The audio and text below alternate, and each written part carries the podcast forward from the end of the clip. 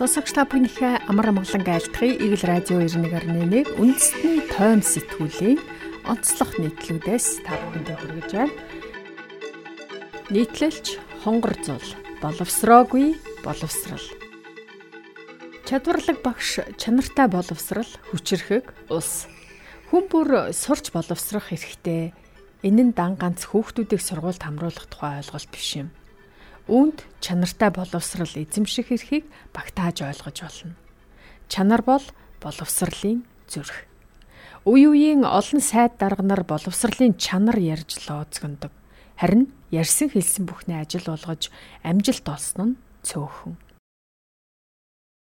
Учир нь чанартай боловсролын цөм нь багш гэдгийг ухамсарлахгүйгээр боловсролын чанарыг дээшлүүлэх ямар ч боломжгүй юм. Манайхан боловсролын чанар гэхээр орчин нөхцөл сургуулийн дээвэр хан шохоо гэж ойлгоод авчдаг талтай. Сургалтын байгууллагын байр сууц, ном сурах бичиг зэрэгт хөрөнгө зарцуулж анхаарлаа хандуулснаар боловсролын чанарыг шийдэж байна гэж эндүрдэг. Уг нь бидэнд сайн боловсрал сайхан ирээдүйх хэрэгтэй байгаа учраас хамгийн түрүүнд чадвартай багш бэлтгэхэд анхаарах учиртай.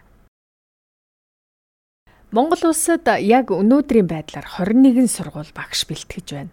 Эдгээр сургуулийн алинд нь ч суралцсан оюутнууд чанартай боловсон хүч болж төгсөх ёстой.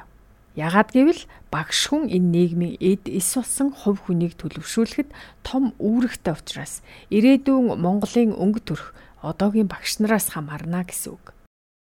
Үүнийг хөргүүлэн ойлгвол чадваргүй, мэдлэггүй багш олон 10 хүүхдийн ирээдүг банлах аюултай. Тиймээс тус мэрэгжлийг сонгож байгаа хүнд тавих босго өндөр байх хэрэгтэй. Социализмын үед багш хүн маш их нэр хүндтэй хин дуртай нь энэ мэрэгжлийг эзэмшиж чаддгүй байсан бөгөөд онц сурдаг аймаг орон нутгийнхаа шилдэг сурагчдал багш болдог байлаа. Харин одоо байдал өөр болжээ. Багшийн мэрэгжил эзэмших сонирхолтой хүүхдийн тоо эрс цөөрснөөр өрсөлдөөн баг багш болох шалгуур босго намхан болохоор хин дуртай нэг нь тэнцэтгэе гэхэд болно.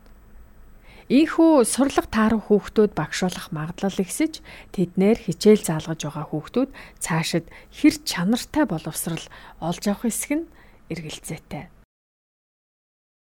Багшийн мэрэгжлийн босхийг өндөрсгий Жил бүр боловсрол шинжлэх ухааны сайдын тушаалаар ихтэй сургуулиудын босго оноог тогтоодог.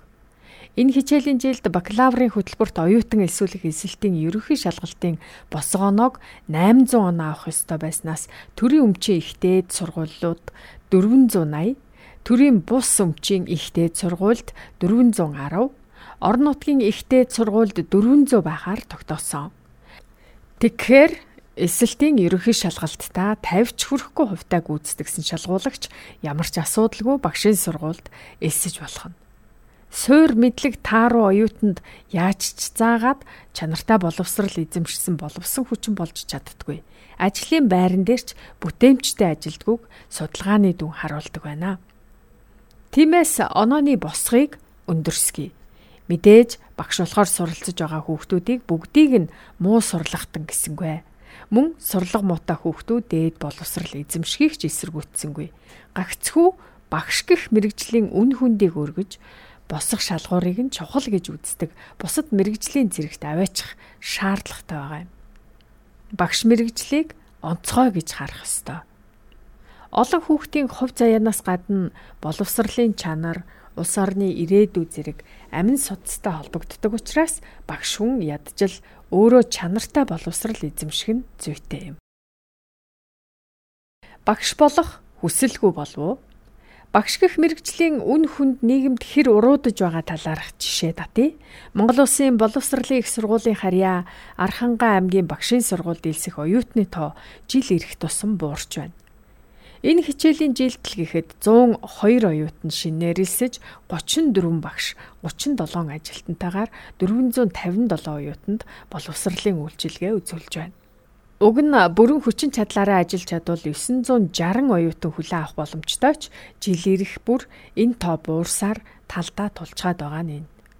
Салбар яамны зүгээс тус сургуулийн удирдлагуудад 50% ашиглалтыг 100% болгохын тулд гадаад харилцаагаа сайжруулж өрсөлдөх чадвараа нэмэгдүүлэх шаардлагыг тавьсан. Гэвч ингээд үүрэг өгчгөл эсэлт нэмэгдээд шийдэгддэг асуудал биш юм аа. Үүний оронд яагаад тус сургуульд оюутан элсэхгүй байна вэ? Яагаад багшийн мэрэгжлийг сонгох хүүхдийн тоо буурав гэдэгт анхаарлаа хандуулах шаардлагатай. Альва мэрэгжил нийгэмд үүсэж байгаа эрэлтээс хамаарч үн цэн нь өсдөг. Тэгвэл манай улсад багшийн эрэлт хэрэгцээ өсөж байгаа. Тухайлбал боловсролын тогтолцоонд үүсэж байгаа хүн ам зүйн өөрчлөлтийг тооцсон багад дунд ангийн багшийн тоог нэмэгдүүлэх шаардлагатай байгаа талаар алсын хараа 2050 хэмээх Монгол улсын урт хугацааны бодлогонд дурджээ. 2018 оны байдлаар нийтдээ 34323 багш ажиллаж байсан бөгөөд 2030 онд энэ тоог 56%-аар нэмэх тооцоо гаргажээ. Мөн нэг багшид ногдох сурагчдын тоо өндөр ажлын ачаал их байгаа учраас засгийн газар 2025 он гэхэд нэг багшид 25 хүүхэд 2030 он гэхэд нэг багшид 20 хүүхэд ногддог болох зорилтыг дэвшүүлжээ. Эдгээр зорилтод хүрэхийн тулд ерөнхий боловсролын салбарт 23576 багш ажилд авах шаардлага тулгараад байна.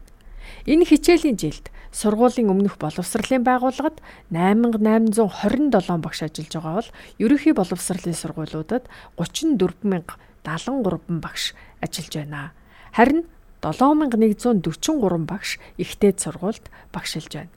Жил бүр Монгол улсын боловсролын их сургуульд 200-аас 300 хүүхэд шинээр элсэх боломжтой.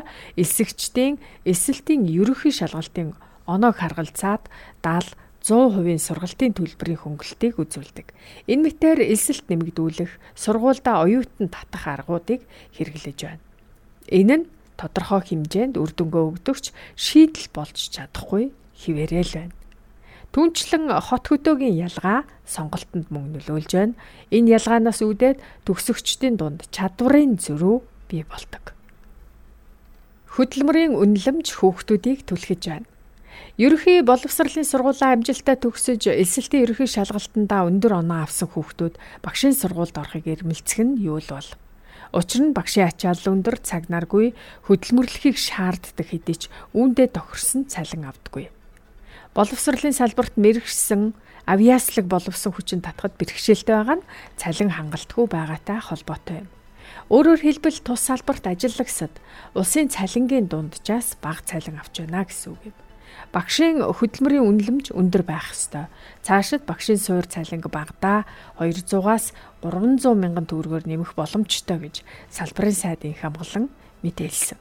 Тэрээр багш нарын цалин хангамж, хөдөлмөрийн үнэлэмжийг нэлээд өндөр түвшинд гаргаж байж чанартай боловсрал шаардна гэдгийг онцолсон юм. Багш нарын ачаалал хөгжлийн дөнгө Багш сурагчдын ачааллыг бууруулах зорилтын хүрээнд боловсрал шинжлэх ухааны яамны хийсэн судалгааны үр дүнд багш нар үндсэн ажлаасаа гадна олимпиадад бэлтгэх, зохион байгуулах, аймаг сумын удирдлагын илтгэл бэлтгэх, дэвтэр засах зэрэг элдв бичих цаасны 419 төрлийн ажил хийдэг чагсаалт гарчээ. Багш нарын өдөр тутмын гүйцэтгэлийг 100% гэж үнэлбэл үндсэн ажилдаа 37%-ийг нэмэлт ажилд 63%-ийг зарцуулдаг гэсэн дүн гарч байна. Багшийн ажлын ачааллыг 7 хоногт 40 цагаар тооцож тогтоосон. Тодорхойлбол багш 7 хоногт 19 цагийг хичээл заахад 15 цагийг хөтөлбөр боловсруулахад 6 цагийг бусад ажилд зарцуулахаар тооцжээ.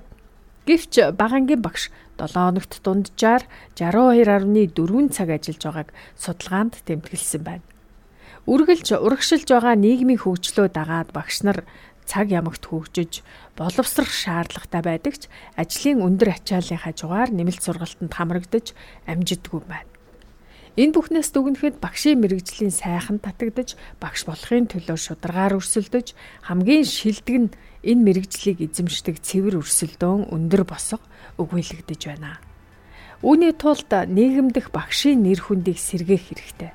Мөн багшийн ажлын ачаалал, цалин хөс, нийгмийн асуудалд нь цогцоор анхаарч зоригтой шинжилэл хийх шаардлага тулгарлаа.